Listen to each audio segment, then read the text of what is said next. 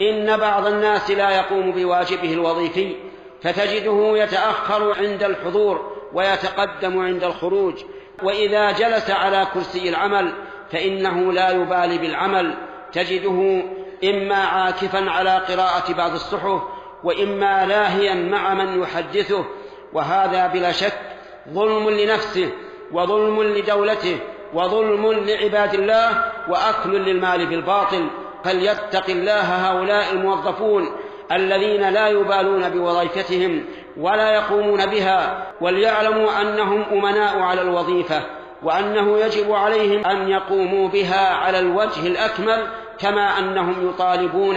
بمكافأتهم على هذه الوظيفة بالوجه الأكمل.